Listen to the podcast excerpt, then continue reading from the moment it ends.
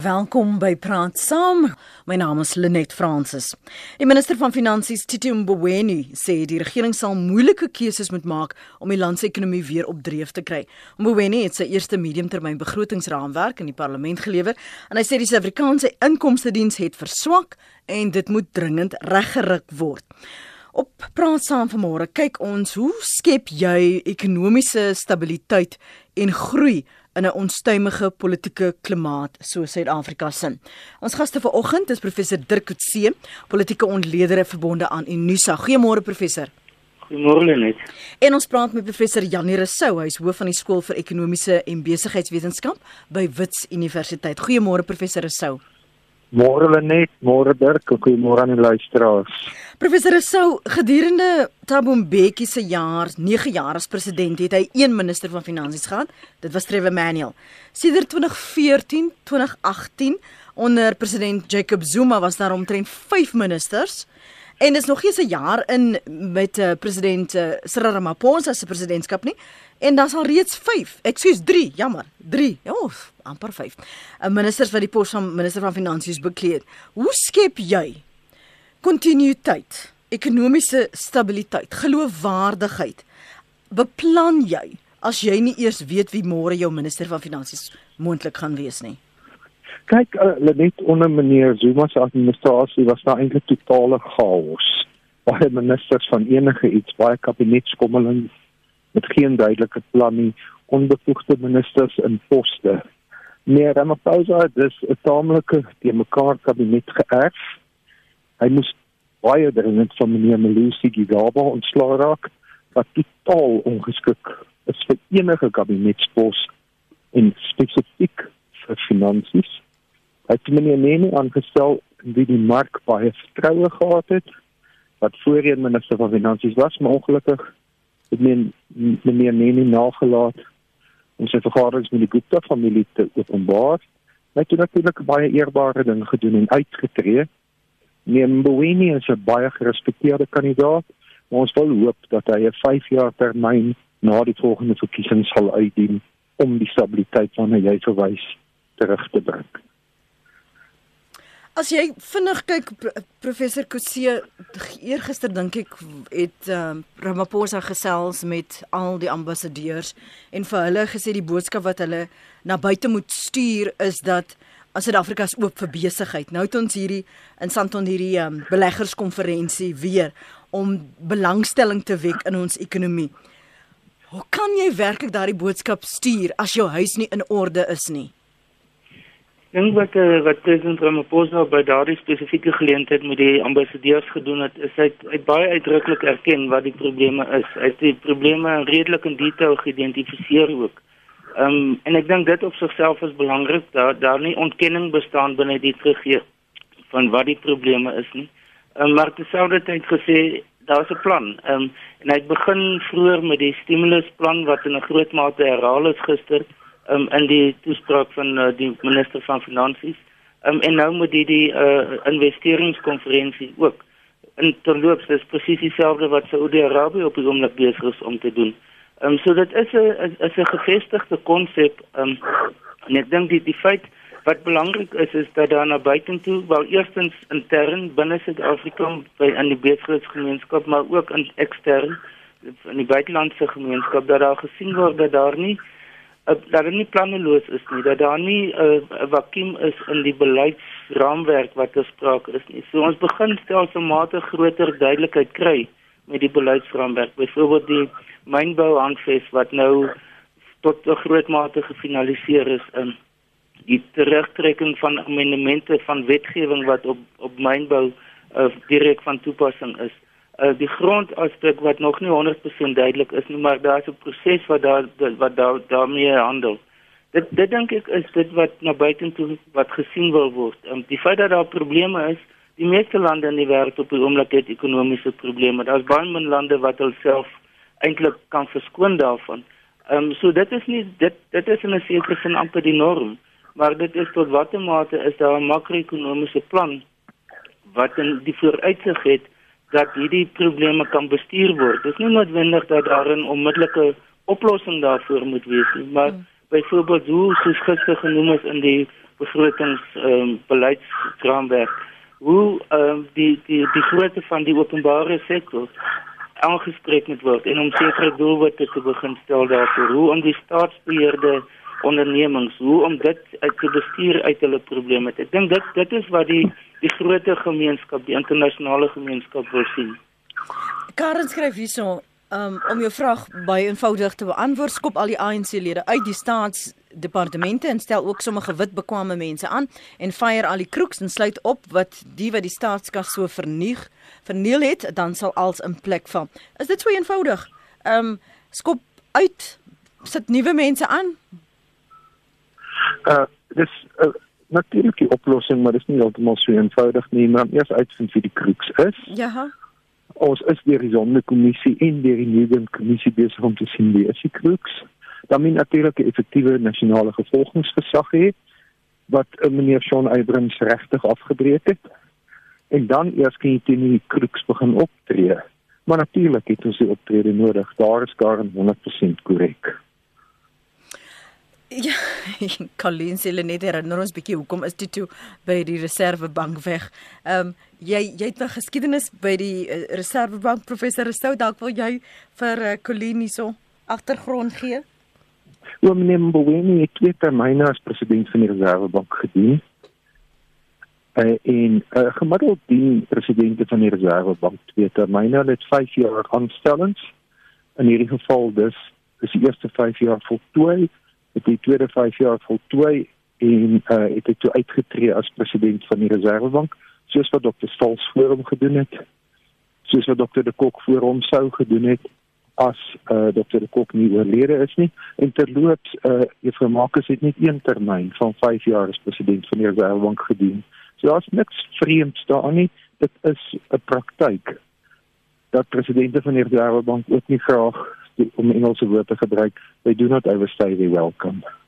Maar jy sê professor Kutse dat alle lande het daardie soort uitdaging, jy jy moet dit seker maar net beter bestuur die probleme.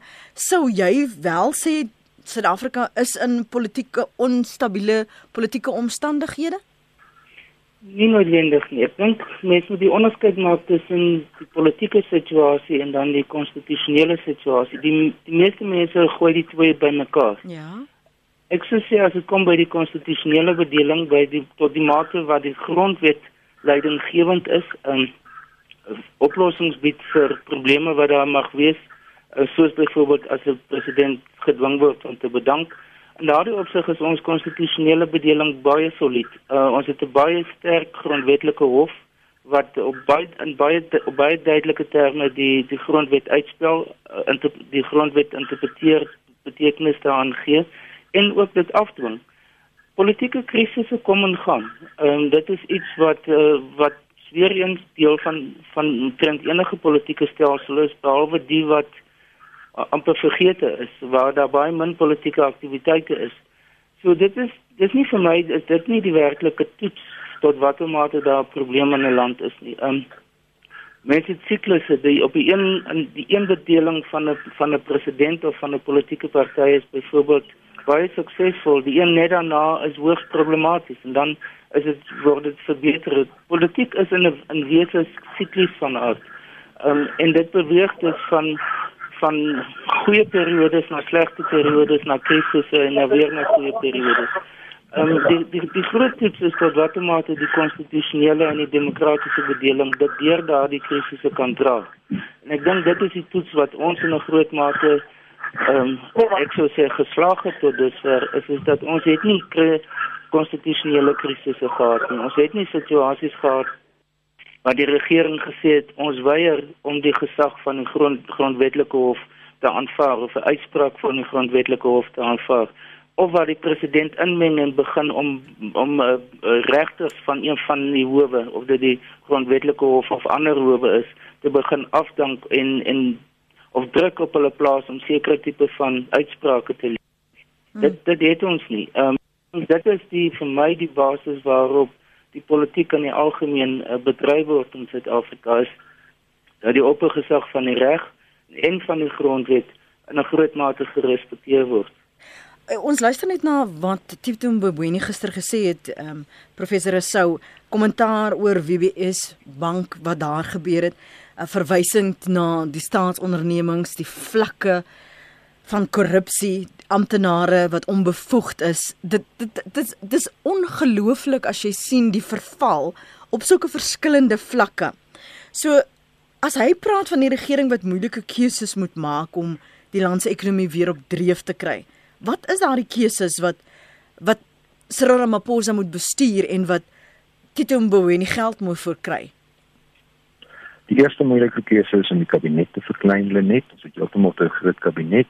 Ek glo nie daar's enige mense in Suid-Afrika wat vir jou die name van al die kabinetsministers, al die adjunkministers en al hulle departemente kan opneem sonder om op 'n lys te kyk nie ek moet nie namens sterk praat nie, hy's 'n politieke wetenskaplike, miskien weet hy dit. daarmee saam met die staatsdiens natuurlik verklein en ons kan nie langer die baie groot salarisverhogings vir staatsamptenare bekostig wat ons in die laaste 10 jaar gesien het nie. En dan moet daarmee dus nie skeer in staatsondernemings ingeklim word. Dit is baie bly om te sien die SA is dalk op die snoeilys. Ek het dit reeds die laaste 5 mm. jaar voorgestel. Mm. So is dit so maklik om vir hierdie staatsondernemings om te sê maar wat is julle doel? Julle nie meer bestaansreg nie. Kom gaan nou en nou wat maak 'n mens met hulle? En wat maak jy met al daai skuld en die geld wat hulle so gemors het? Kyk, as ons SA 5 jaar gelede toegemaak het, was natuurlik die belastingbetaler skrikkelik baie geld gespaar.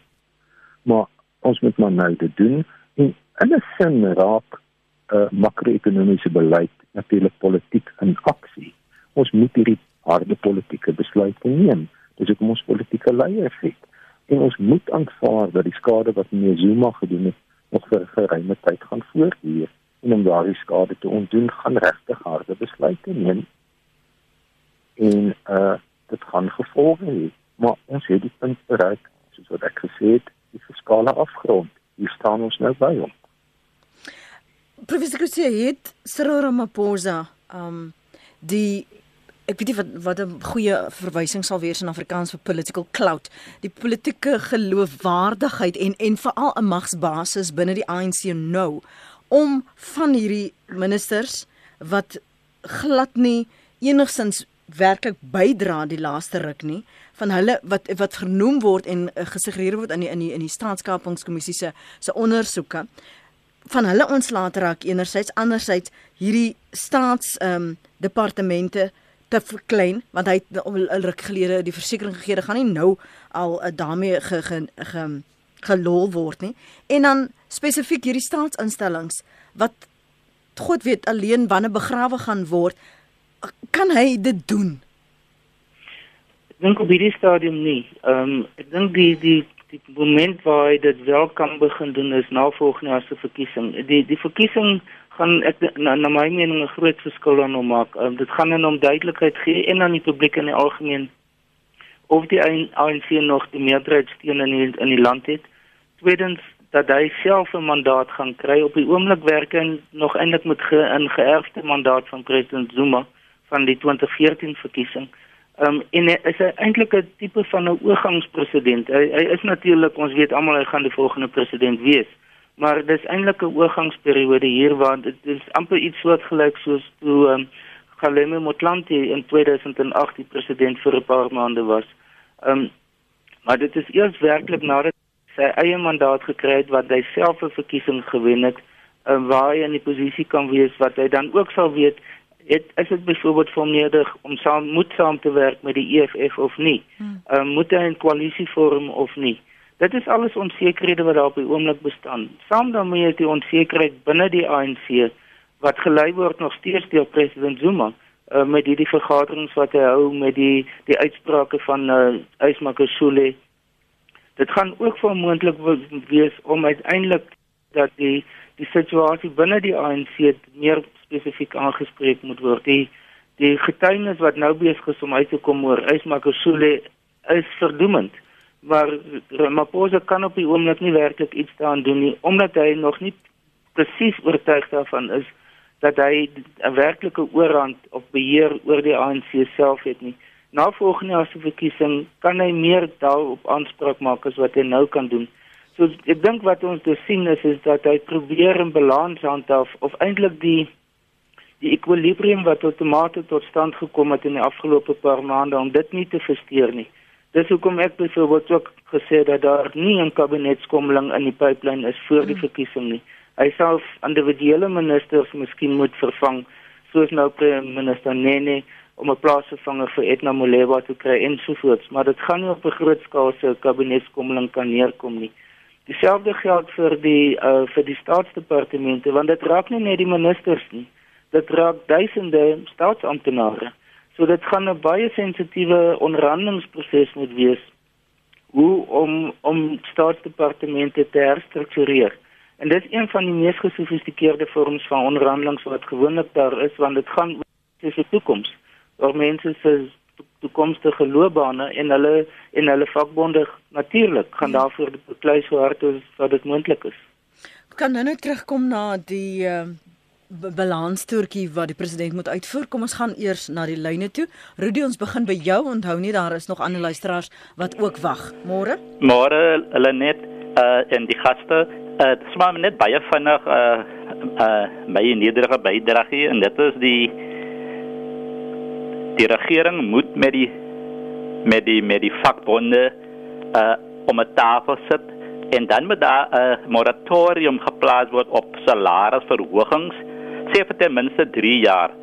So uh, ons is nou besig met 'n rescue operation. Uh uh verstaan? Mm -hmm. So as ons dit doen nie, dit gaan die, die trade unions oor 'n paar maande volgende jaar wanneer ook al weer begin met met met met, met uh, boycotts en strikes en hulle wil meer verdien en meer hê ek voel dat daar met nou al om die tafel gesit word en met die en met Kossatu en hulle word ek dink hulle is ook simpatiek gesin teenoor ons land se se, se ekonomiese toestande. En hulle sal luister. En hulle almal sal besef maar het, het, het, ons moet om, om die ek, om, want ons is in 'n hele skuld situasie. So ons kan nie net wel meer hê en hê en hê nie. Ons nou moet afplat. Dit wil sê ons moet met Kossatu praat en hulle sê kyk hierso man ek stel voor ons moet ons ons wil die mense behou. Ons wil hulle nie van uh, in die pad steek nie mm. so laat ons liewer die salarisse afplat 'n bietjie minder maak. Eskom byvoorbeeld uh, verdien at, at, at 60% te veel. Laat die salarisse afkom. Maar ek voel net ons moet die blessings hê uh, van die van die van die van die trade union ek weet nie wat is kans nou uh, vakbonde, vakbonde. Uh so dit is maar net my bydrae. Goed, baie dankie Rudy, kort en kragtig. Johan, môre. Net goeiemôre. Goeiemôre. Ehm um, daar's 'n ou gesegde wat sê, "Hoe verklaar jy die duiwel by die Satan?"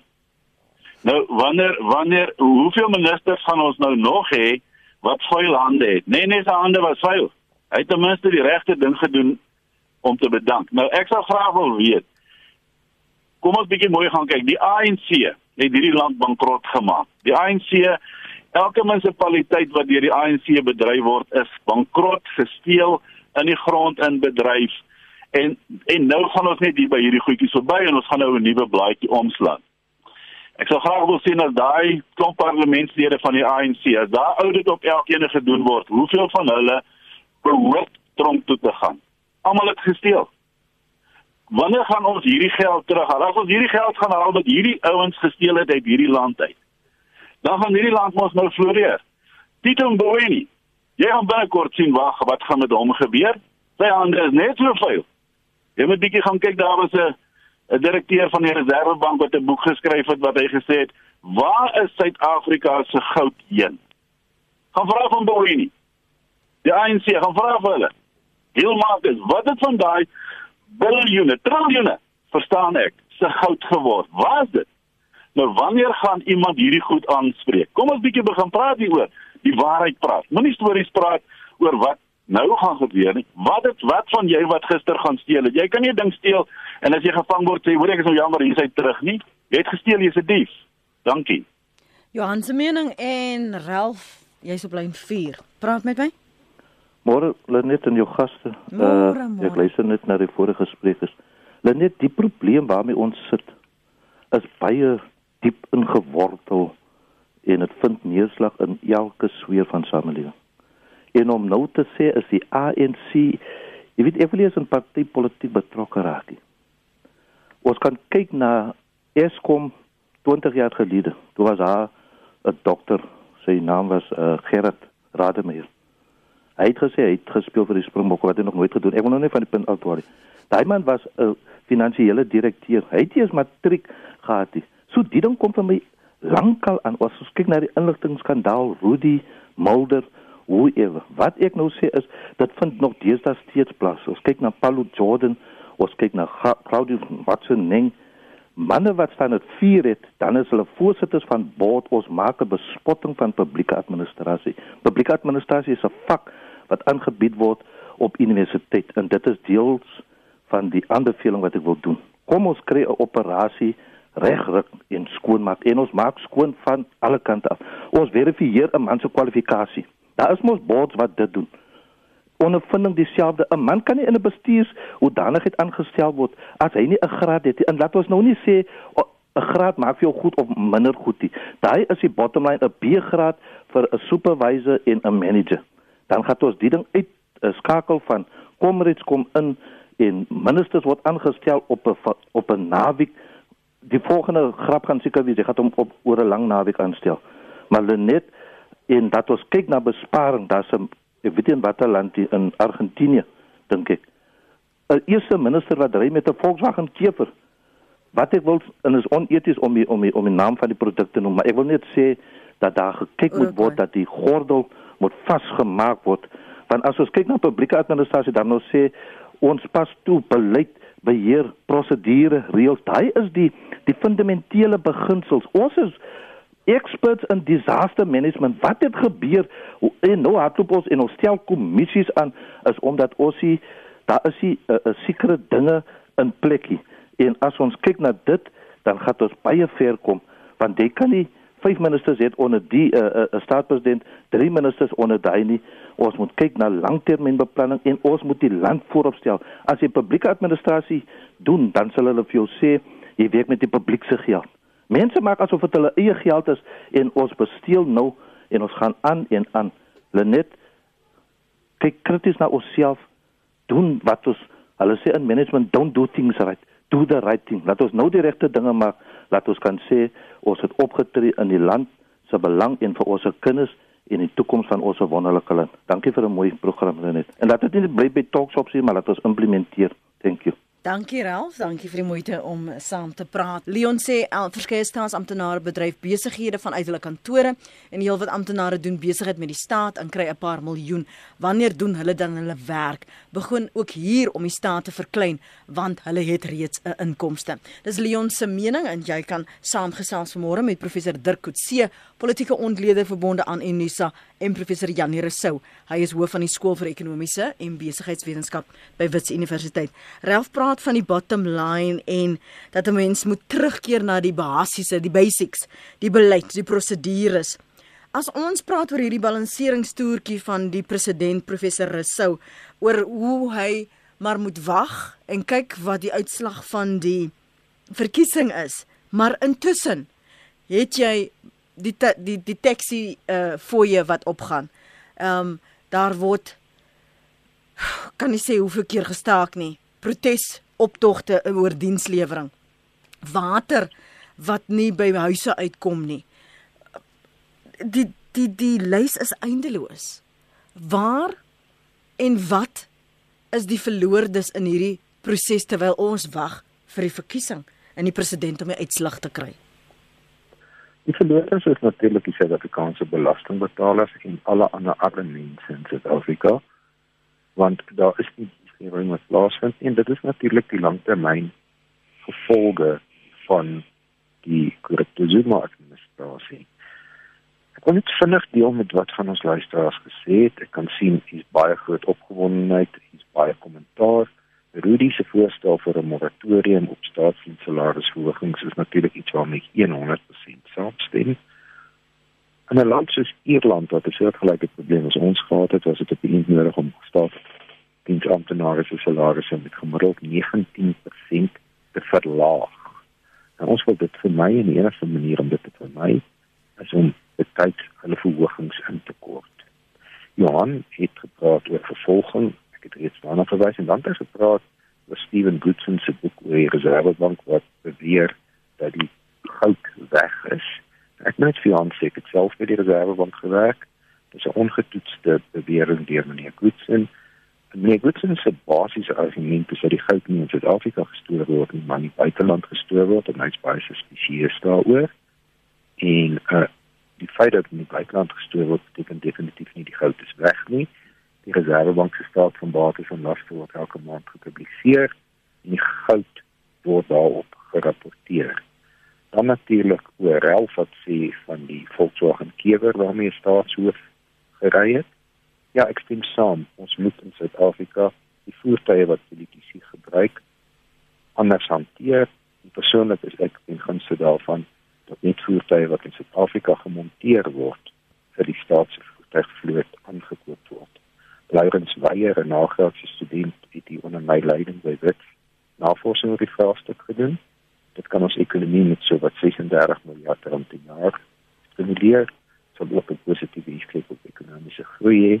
Dit is natuurlik 'n beleidsverandering wat meneer Ramaphosa onmiddellik vandag kan aankondig en wat 'n baie positiewe gevolg het. So om op te som, Ja, Ramaphosa moet kyk na wat hy onmiddellik nou kan aankondig, sulke aankondigings maak om die gemoedstoestand in die land te verbeter. Die hoe speel hierdie uh, veral die politieke beweging kom dis maar 'n veiliger manier om daarna te wys professor Kutse hoe speel dit in op wat ons in ons ekonomie ehm um, sien uitspeel w want aan die een kant hoor jy die regte geluide word gemaak en aan die ander kant kry jy soms die gevoel daar is soveel onsekerheid by die president oor wat sy volgende skuif moet wees omdat hy nie weet wie hy kan vertrou nie. So hoe voer jy wat minister van finansies uit is die taak op hande uit as jy nie werklik 100% seker is in watter rigting die land wil beweeg of gaan beweeg nie want die president is nog nie so seker oor sy posisie nie.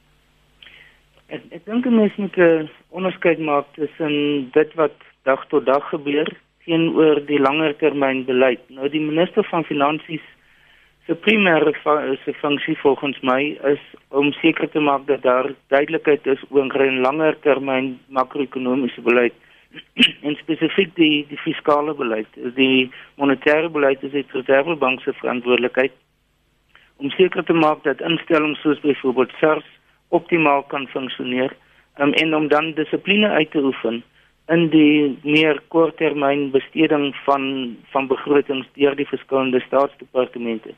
So die die minister van finansies is nie in die posisie om baie tot 'n groot mate direkte invloed te kan uitoefen op die private sektor op 'n korttermyn amper 'n dag tot dag basis nie. Ehm um, dit is net nie uh, die verantwoordelikheid van so 'n minister nie en buitendien die staat kan nie so betrokke raak by die ekonomie um, want dan word dit 'n vorm van mikrobestuur wat die, die besigheidsfeer, die private sektor self nie wil toelaat nie. Die die die invloed van politieke gebeure of politieke tendense op die langtermyn het natuurlik definitiewe invloed op die ekonomie, maar ek is nie 'n ekonom nie 'n nie ekonomiese analis nie, maar die manier hoe ek dit verstaan is is dat op die huidige stadium die impak van binnelandse ekonomiese faktore besig is om minder en minder van 'n impak op die ekonomie te hê en dat dit meer van 'n korttermyn impak het. Byvoorbeeld gister se toespraak van minister minister um, Mboweni het vir da, het gister en vandag 'n impak gehad op die waarde van die rand. Maar volgende week byvoorbeeld sal ons waarskynlik sien dat dit nie meer nie meer daardie selfde impak het nie, maar dat byvoorbeeld 'n besluit van die Amerikaanse Federale Bank oor rentekoerse of oor die waarde van die dollar of die tendense in Turkye 'n groter impak het op die Suid-Afrikaanse ekonomie as die interne politieke situasie. Dit lyk vir my asof miskien veral as gevolg van die uh die kontroversie kontroversie wat president Trump baie dikwels veroorsaak dat die idee dat daar moet absolute politieke stabiliteit wees om 'n stabiele en 'n groeiende ekonomie tot gevolg te hê dat daardie dat daardie aksioma tot 'n groot mate nie meer vandag bestaan nie.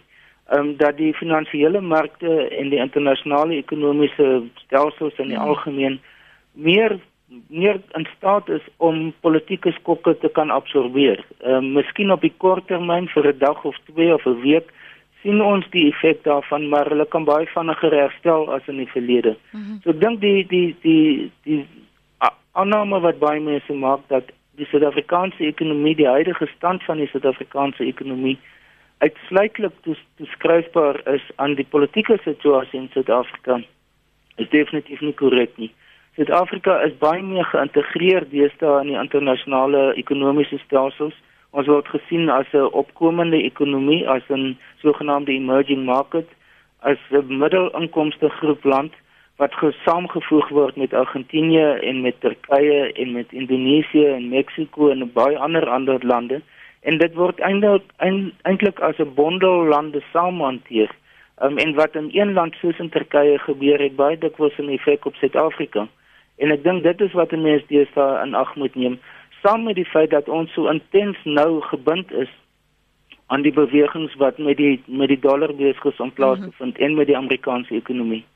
Dankie vir daardie voorbeeld. Ek ek ek meen ek dink ons het dalk vergeet wat die laaste ruk in Amerika aan die gang is en dat die ekonomie darm nou nie ten gronde gegaan het nie. Gegeewe al die uitsprake wat ons nou ook al gehoor het die president daar in die FSA Donald Trump uh, kwyt geraak het. Dis 20 minute voor 9 um, ons praat vanmôre oor hoe ons ekonomiese stabiliteit en groei in 'n uh, in indien wat iets wat uh, ekonomiese onstabiele ekonomiese klimaat, ekskuus politieke klimaat skep en jy's baie welkom om saam te gesels. Um ek lees vinnig en dis hoekom my brein nou sommer 'n paar van julle sinne um meng.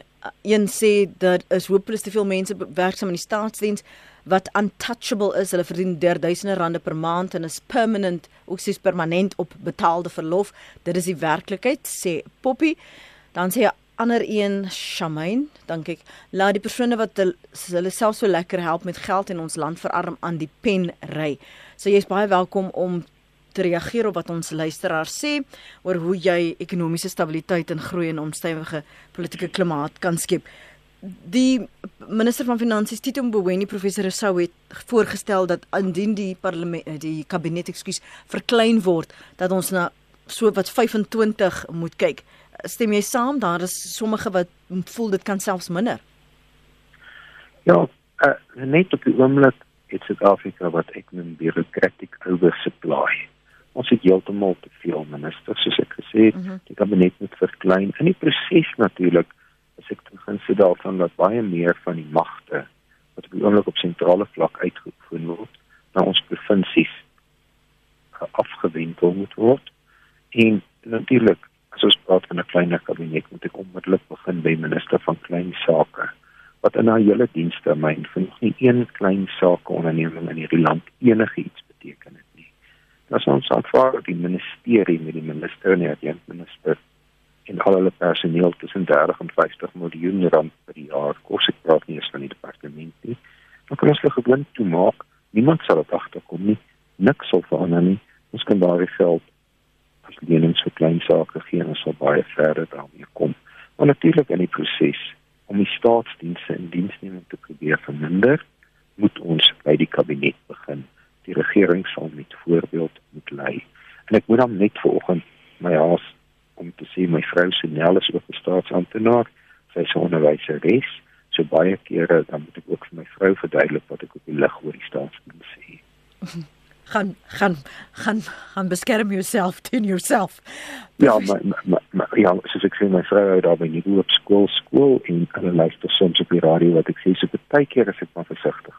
Nee, ek verstaan hierdie versigtigheid. Kan ek praat juist dan oor die die versigtigheid wat ons as belastingbetalers het wat te doen kry met uh, die Suid-Afrikaanse inkomste diens en jy het selfs gehoor wat sy kommentaar daar was ons het die die onthullings oor ehm um, Mojane wat ons die laaste ruk uh sukkel om om te verstaan en en ook te besef hoe die vlak van staatskaping daar uh, ons beduiwel het. So hoe pas hulle in hierdie prentjie in en en 'n regruk strategie dan professor Rousseau? Ja, kyk, uh, ons sal moet kyk na staatsinstellings wat ons dringend en noodsaaklik in ons toekoms nodig het, soos byvoorbeeld SARS soos die Reservebank en ons moet kyk in watter opsig hulle goed werk en in watter opsig hulle nie werk nie. In die geval van SARS is dit dringende regstrategie nodig. Ek het groot vertroue in meneer Makinen, waarnemende hoof van SARS om hierdie omdraaistrategie wel komplek te sit making en reeds baie baie jare by SARS staan die stelsel goed. Die Reservebank, ten spyte van die boek wat meneer Woodson geskryf het, werk inderdaad baie goed. Is nog een van die institusies in Suid-Afrika waarna ons almal kan opsien. En dit is ook vir my baie verblydend dat meneer Boweni in gister se toespraak in die parlement selfs uit die grondwet aangehaal het om die onafhanklikheid van die Reservebank in terme van monetêre beleid te bevestig. Hmm. As ons kyk na die verkiesingsjaar wat dan op hande is professor uh, Kutse en jy sien die uitsprake en jy sien die ondersoek na staatskaping wat die kommissie daar wat nog nie afgehandel is nie die onthullings um, oor wat met SARS gebeur die ander onthullings wat ons sien die onstabiliteit by by staatsinstellings. Hoe beïnvloed dit die politieke keuses wat gemaak moet word? Want jy het aan die een kant hierdie populisme wat seefuur aan die ander kant die balanseertoertjie wat jy net al uitgewys het. Wat hoe beïnvloed dit wat ons nou kan en moet doen. Hoe stabiliseer jy as jy kan hierdie onwaarskynlikhede um onvoorspelbare politieke verandering waar o jy nie beheer het nie? Ja, dit dit dit skep groot onsekerheid by die kiesers. Ehm um, en ek dink dit is een van die redes hoekom as mense vandag vir uh, vir mense gaan vra met die meningsopname hoe gaan jy stem, gaan daar 'n hoë persentasie wees wat sê ek weet nog nie vir wie ek gaan stem volgende jaar nie. Ehm um, as gevolg van hierdie onsekerheid. Ek dink wat president Ramaphosa doen is hy konsentreer op twee aspekte. Die een is die ekonomie en die jongste het ons nou gesien met die die uh uh die die uh, beraad wat nou gaan plaasvind die investeringsberaad mm. uh, met ook die werkskepingsberaad uh, weke wat gelede. Ehm um, en dan hierdie stimulusplan wat hy aangekondig het, ehm um, die idee om 100 miljard rand, uh, 100 miljoen dollar vanuit die buiteland vir vir investering te kry. Dit is alles inisiatiewe wat hy wat hy geloods het en dit is baie duidelik dat dit een van sy groot fokuspunte vir die vir die vir nou is. Die tweede groot fokuspunt is al die vorms van ondersoeke. Ehm um, die Sonderkommissie, dis die kommissie oor SARS, dis die kommissie oor die intelligensiedienste. Mm. Ehm um, dit gaan dan ook die grondsake wat hy ook nou in paneel van adviseurs aangestel het.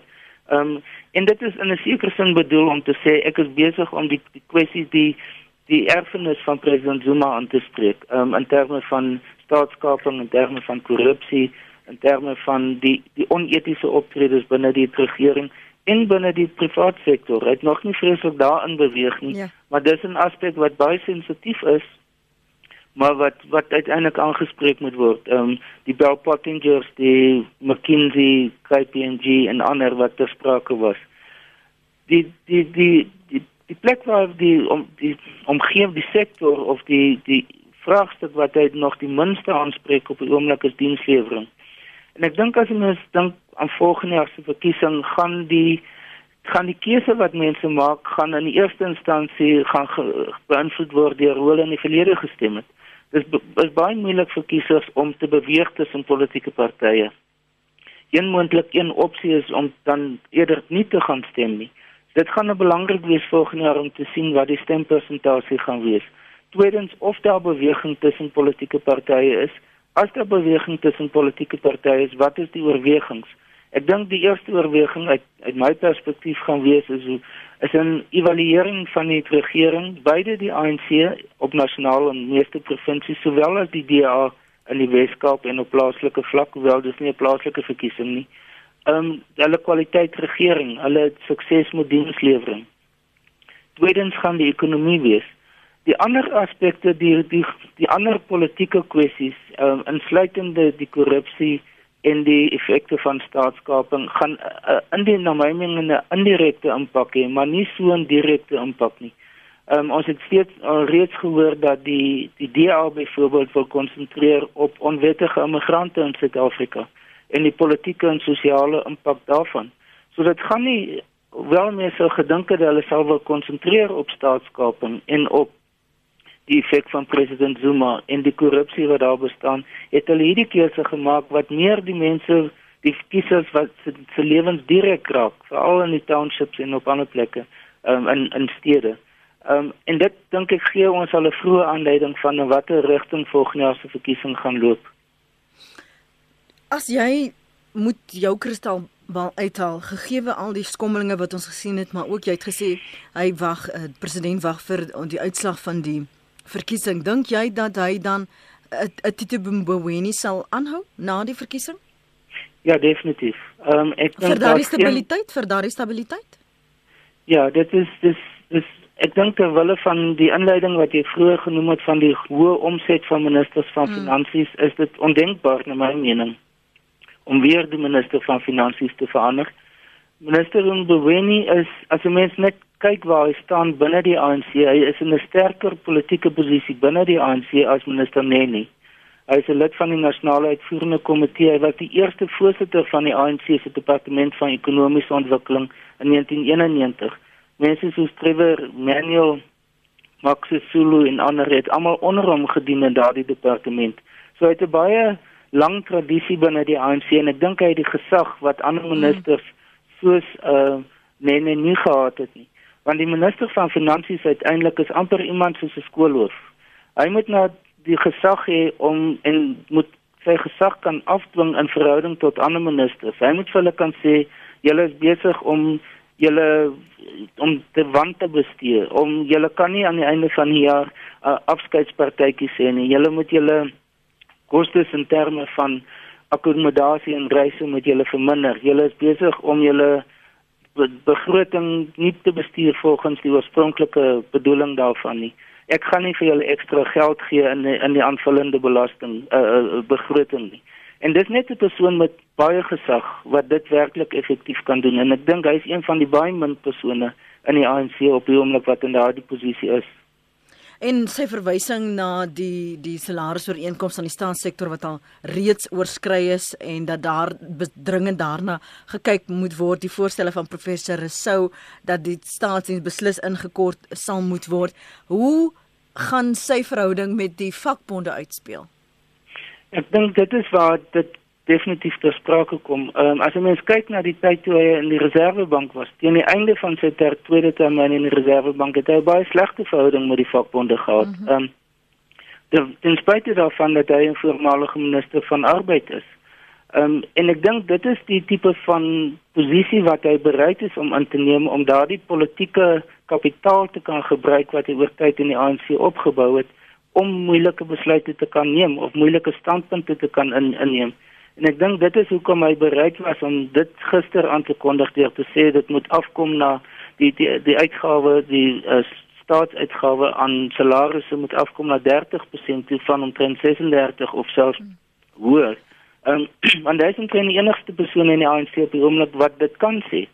Ehm um, selfs president Ramaphosa kan dit nie op die oomblik sê nie omdat hy sy verhoudings met Kusati wil wil verbeter uh, as nadat dit so swak was in die tyd van president Zuma. So ek dink dit dit is die oorwegings en wat aan aan Tito Mboweni en ek dink mense moet ook onthou dat hy nie ooglopend betrokke is in die faksies van die ANC nie. Hoewel hy baie baie sterk ondersteuner van president Ramaphosa is, was hy nie in die interne faks faksionele politiek van die ANC baie direk betrokke gewees in die, in die afgelope mm. jaar of twee nie. En ek dink dit gee aan hom 'n weer eens 'n sterker posisie um, as as van die ander moontlike kandidaate vir die pos. Uh, net so ter afsluiting uh, dokter uh, professor Kutse en dan gaan ons na professor Resouto. Sy verwysing en ek dink uh, die president ook op 'n kollok na daar verwys die, die aanstelling van bevoegde en geloofwaardige mense, die sogenaamde diegene met clean hands. Gaan gaan dit 'n lang gesoek soek tog wees vir vir diegene met clean hands. Jy het nog gesê staan ten minste uh, iets wat onafhanklik. Hy's nie aangetast deur uh, al die ander uh, onhullings wat ons nou al gesien het nie. Is daar is daar nog 'n paar enkeles? Ek dink daar is maar mense wat nie noodwendig nou in die afgelope paar jare en veral in die Zuma periode baie direk by die politiek betrokke was nie. Dis hoekom ons sien dat uh, president Ramaphosa baie persone uit die Mbeki periode nou terugbring. Hy bring Aziz Ba terug in die in die ondersoek na 'n nuwe buitelandse beleid. Sit nie meer van Madi in die ondersoek na na die intelligensiediens. Ehm um, daar's uh, Charles en Takula is nou sy nuwe staatsveiligheidsadviseur. So daar's baie wat wat hy daardie periode uit nou terugbring. Ek dink wat ook belangrik is is byvoorbeeld die wyse waarop hulle nou probeer om die nuwe nasionale direkteur van die vervolgingsgesag te identifiseer is deur 'n paneel saam te stel om is um, uh, om 'n tipe van 'n seleksiekomitee uh, te hê of as 'n paneel in sommige gevalle in die parlement self sodat die proses en dat die ondersoek deur die uh, intelligensiediens oor die persoon se agtergrond dat dit behoorlik gedoen moet word voordat die aanstelling plaasvind. So dis waarskynlik dink ek op die die tipe van uh, meganismes wat president Ramaphosa wil inbou om seker te maak dat hy nie ontkant gevang word met iemand wat nie verklaar het wat moontlik in die verlede kon gebeur het nie. Die soeke na ekonomiese stabiliteit. Professor Rousseau, wat sê jy vir belastingbetalers en luisteraars en kykers wat gister daardie uh uh voorlegging van minister Mboweni gehoor het en gehoor het die etol gaan gaan nie gaan nie weggaan nie. Dit gaan bly.